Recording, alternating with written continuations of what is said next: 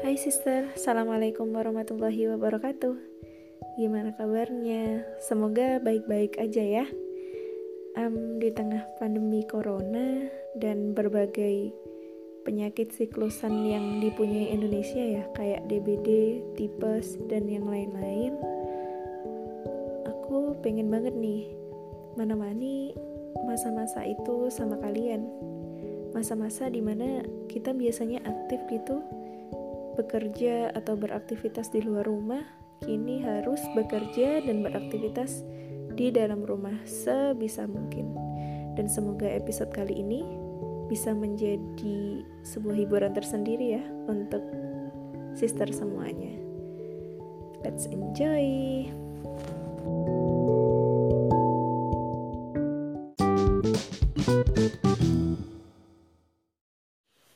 Oke okay, sister semuanya aku lagi rekaman di pagi-pagi buta ini jadi backsoundnya otomatis kokokan ayam ya Oke, okay, selama beberapa hari sudah WFH, apa yang sister semua rasakan? Saya kira di media sosial bertebaran tuh kontemplasi-kontemplasi yang masing-masing orang dapatkan ketika di rumah aja. Ternyata kita itu makhluk sosial ya, yang ketika kita sendiri di rumah aja atau dikurung di rumah aja tuh rasanya kayak menyiksa banget. Pun ada juga yang sudah menemukan dirinya sendiri ketika di rumah aja gitu. Maksudnya kayak dia bisa mengambil jeda dari semua yang pernah ia lakukan lalu mengerti oh ternyata aku tuh orangnya kayak gini ya oh ternyata aku tuh um, pengennya seperti ini dan sebagainya pun pandemi coronavirus ini membuat para wanita yang biasanya bekerja di luar rumah bisa gitu ya sister untuk balik lagi ke rumahnya, balik lagi untuk berkumpul bersama keluarganya, bahkan menjadi guru untuk anak-anaknya. Lalu baru menyadari peran guru ternyata sebesar itu ya, sesabar itu dan se-urgent itu gitu di kehidupan keluarganya itu. Kalau sister semuanya dapat kontemplasi apa nih selama di rumah aja atau selama WFH? Kalau aku sendiri, jujur nih sister, bisa lebih beristirahat. ya karena beberapa bulan ini ya, kalau nggak salah ya, beberapa bulan ini kayaknya cobaan yang Allah kasih ke aku itu berupa sakit ya. Jadi kayak jatuh sakit atau jatuh dari motor maksudnya. Jatuh dari motor lalu sakit atau beneran sakit gitu. Misalnya kayak tipes dan sebagainya gitu. Jadi kayak disuruh istirahat dulu. Alhamdulillah dapat istirahat ya. Dan WFH bagiku sesuatu yang luar biasa ya sister. Bisa apa ya menambah. Nggak tahu sih kalau misalnya beraktivitas atau bekerja di luar rumah otomatis kan pertemanan sosial media itu tidak terlalu apa ya tidak terlalu intim gitu ya. Eh intim apa bahasanya? Tidak terlalu banyak yang bisa dibahas di online. Tapi ketika WFH otomatis gitu ya. Secara otomatis kayak teman-teman onlineku itu banyak gitu sister. Jadi kayak wow masya allah ya alhamdulillah ternyata masih punya teman aku gitu deh sister. Apa sih tik ngaco? Lanjut. Selain itu uh, pas WFH ternyata aku bisa baca sesuatu nih sis yang bisa banget jadi konten pada podcast kali ini. Konten ini ya aku ambil dari hadis di kitab Riyadus Salihin karya Imam Imam Nawawi. Uh, kalau di tempatku ya punyanya Darul Uswah. Dicetak sama Darul Uswah. Hadis yang menurutku wow banget gitu. Aku bacain ya sister langsung bahasa Indonesianya aja karena hadis ini berupa kisah. Kalau dibacain bahasa Arabnya Masya Allah keriting semua ya. Oke aku bacain ya Hadisnya ceritanya. Oke, dari Abu Najih, yaitu Amru bin Abasah As-Sulami radhiyallahu anhu, Ia menuturkan, Dahulu pada zaman jahiliyah, aku yakin orang-orang berada dalam kesesatan dan mereka itu sungguh tidak memperoleh manfaat apa-apa dalam penyembahan mereka terhadap berhala-berhala itu. Kemudian aku mendengar kabar bahwa ada seorang laki-laki di Mekah yang memberitakan hal-hal yang besar. Aku segera naik di atas kendaraanku untuk menemuinya. Kala itu Rasulullah Shallallahu Alaihi Wasallam masih sembunyi-sembunyi dalam dakwahnya karena kaumnya sangat keras menentangnya. Aku berjalan pelan-pelan sampai akhirnya bertemu dengannya di Mekah. Kemudian aku bertanya kepadanya, yakni Rasulullah Shallallahu Alaihi Wasallam, siapakah anda? Aku seorang nabi, jawab Nabi Shallallahu Alaihi Wasallam. Aku bertanya lagi, Apakah nabi itu? Aku diutus oleh Allah, jawab beliau. Aku bertanya lagi, untuk apa Allah mengutusmu? Allah mengutusku dengan ajaran mempererat hubungan keluarga, menghancurkan semua berhala, dan supaya Allah disembah secara esa dan tidak dipersekutukan dengan sesuatu. Jawab Nabi Shallallahu Alaihi Wasallam. Aku bertanya pula, siapakah yang berhak menjadi pengikut Anda? Nabi Shallallahu Alaihi Wasallam menjawab, orang merdeka dan hamba sahaya. Pada saat itu yang telah menjadi pengikutnya ialah Abu Bakar radhiyallahu anhu sebagai orang merdeka dan Bilal bin Rabah radhiyallahu anhu sebagai hamba sahaya. Saya ingin menjadi pengikut Anda, pintaku kepada beliau. Sesungguhnya Anda tidak akan kuat menjadi pengikutku pada saat ini. Tidakkah Anda ketahui bagaimana pertentangan antara diriku dan kaumku?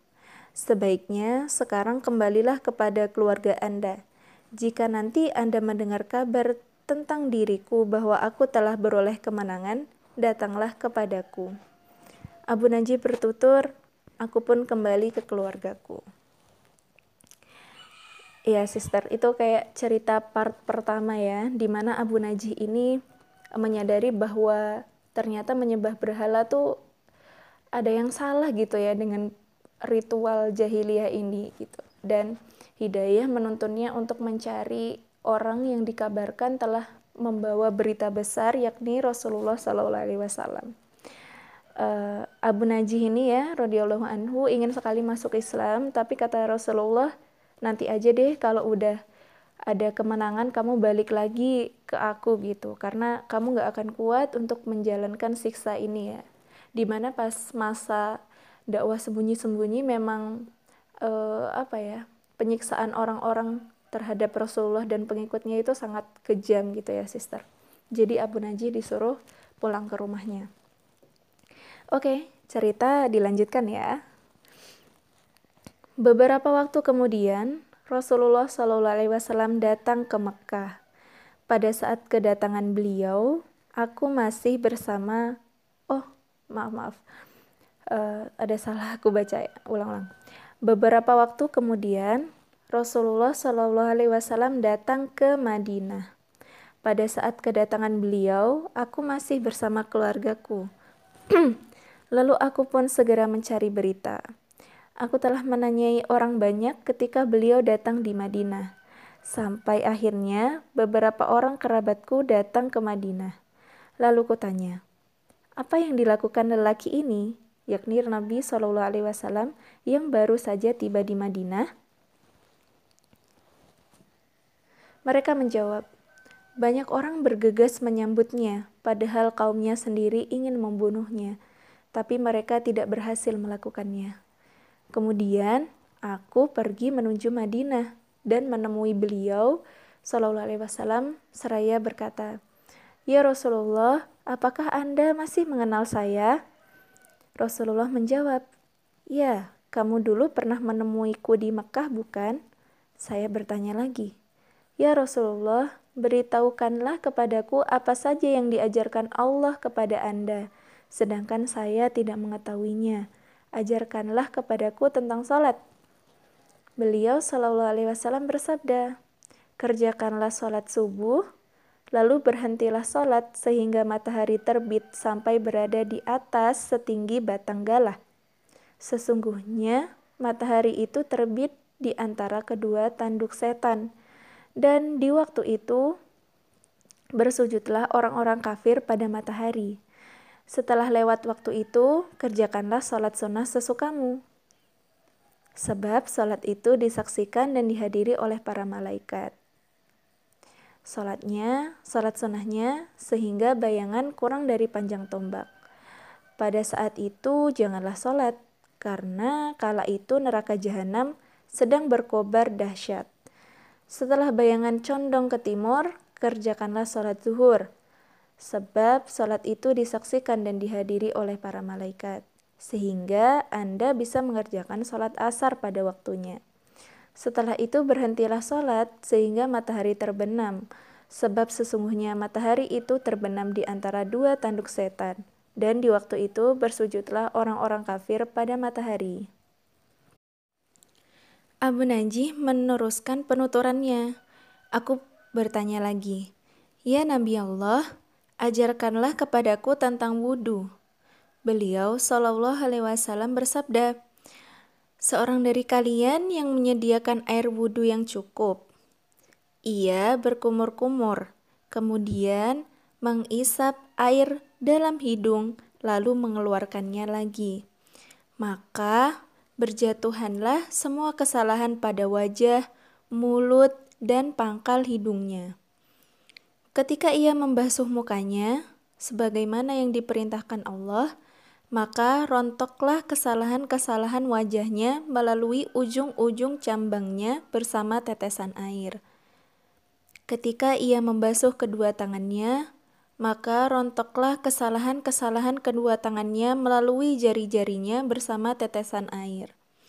Ketika ia mengusap kepalanya, maka rontoklah kesalahan-kesalahan kepalanya melalui ujung-ujung rambutnya bersama air. Ketika ia membasuh kedua kakinya sampai kedua mata kakinya, maka berjatuhanlah kesalahan-kesalahan kakinya mulai jari-jarinya bersama air. Kemudian, ketika ia berdiri untuk sholat, bertahmid dan menyanjung Allah, serta menganggungkannya dengan sifat yang memang layak baginya, juga mengosongkan hati untuk ditujukan semata-mata kepada Allah Ta'ala. Apabila semua hal tadi selesai dikerjakannya, niscaya ia terbebas dari kesalahan-kesalahannya sebagaimana keadaannya ketika dilahirkan oleh ibunya. Oke, hadisnya antik paus sampai sini ya, sister. Gimana rasanya pas dengerin kalau Allah itu mengampuni dosa-dosa kita pas prosesi dari wudhu itu ya sampai sholat. Gimana sister?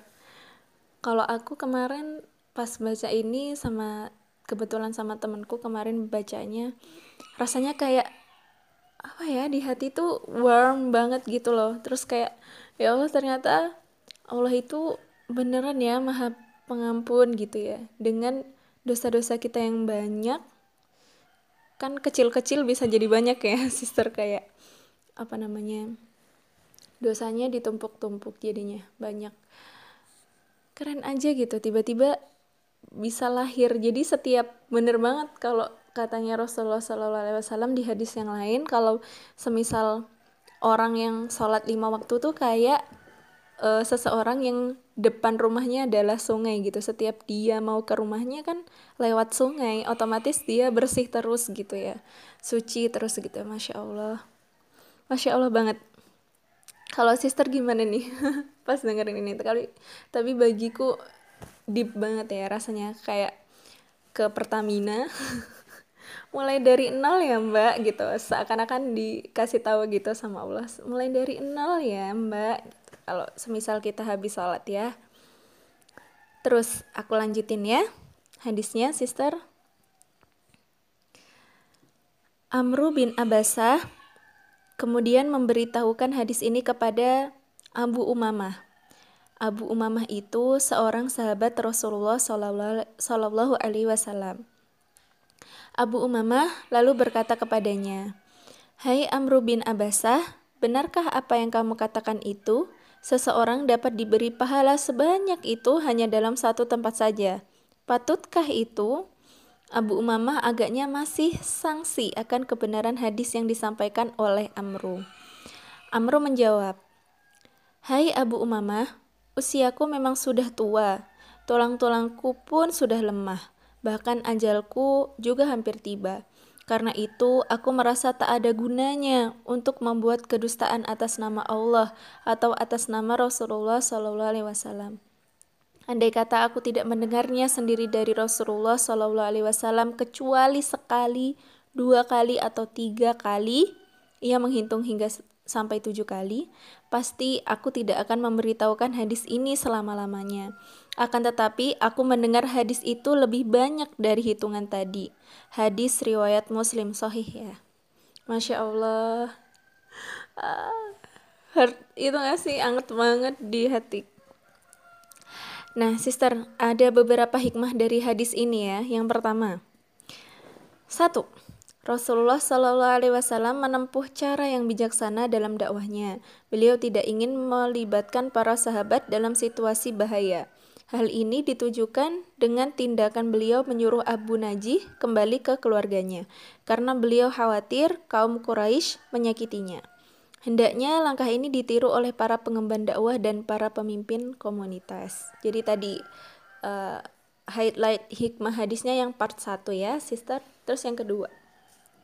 Rasulullah SAW sangat optimis bahwa dakwahnya akan berhasil dan beliau akan mengalahkan kaum musyrik. Tiga, tidak perlu segan untuk menanyakan hukum-hukum agama kepada orang-orang yang ahli dalam bidang itu. Empat, hadis ini memuat berita gaib yang menjadi tanda kenabian Muhammad SAW, yakni beliau memberitahukan kepada Abu Najih bahwa dakwah Islam akan berhasil dan memperoleh kemenangan dan kata-kata beliau menjadi kenyataan di kemudian hari. Kelima, wudhu dan sholat dapat menjadi penembus dosa-dosa kecil yang dilakukan. Keenam, sangat ditekankan untuk bisa khusyuk dalam sholat, karena setiap sholat itu dihadiri oleh para malaikat. Ketujuh, hadis ini memberitahukan beberapa waktu yang makruh atau haram untuk sholat. Yang kedelapan, hendaknya seorang muslim selalu optimis dengan berharap dan berkeyakinan yang baik terhadap Allah. Dengan demikian, ia tidak akan berputus asa dan malah terdorong untuk beramal lebih baik. Masya Allah ya sister, menurutku hadis ini harta karun banget sih, kayak apa ya kabar gembira sekali untuk aku ya kita semua yang nggak um, sengaja ataupun dengan sengaja ya berbuat salah gitu. Berbuat salah yang nggak cuman berbentuk berwujud gitu loh sister. Tapi ya dari hati kita yang sering kotor terus sering merasa baik paling baik sendiri merasa dan merasa merasa yang lain gitu. Dan dengan wudhu sholat kita bisa menembus dosa-dosa kecil itu yang pernah kita lakukan gitu. Aku pernah dengar ada seorang ustadz yang bilang dosa kecil yang terus dilakukan sama seseorang manusia itu bisa jadi dosa besar loh karena dia benar-benar apa ya kayak ketagihan gitu nggak sih sama dosa? Kalau dosa-dosa kecil terus menerus ia lakukan gitu. Jadi salah satu tobat kita bisa dengan ini dengan wudhu dan sholat sister. Nah kalau kita tahu apa ya hikmah dari wudhu dan sholat sepowerful itu semoga pas nanti wudhu atau sholat lagi gitu ya sister kita bener-bener bisa mengilhami ini gitu ya Allah aku tuh mau menebus semua kesalahan aku aku tuh mau bertobat sama engkau jadi aku harus serius wudhunya harus serius sholatnya harus berusaha khusyuk semaksimal mungkin berdoa kepada Allah. Iya kan, sister? Dan semoga kita tidak berputus asa ya ketika menyadari bahwa aku kotor banget sih gitu. Aku aku kok banyak dosanya banget sih gitu. Don't worry, sister.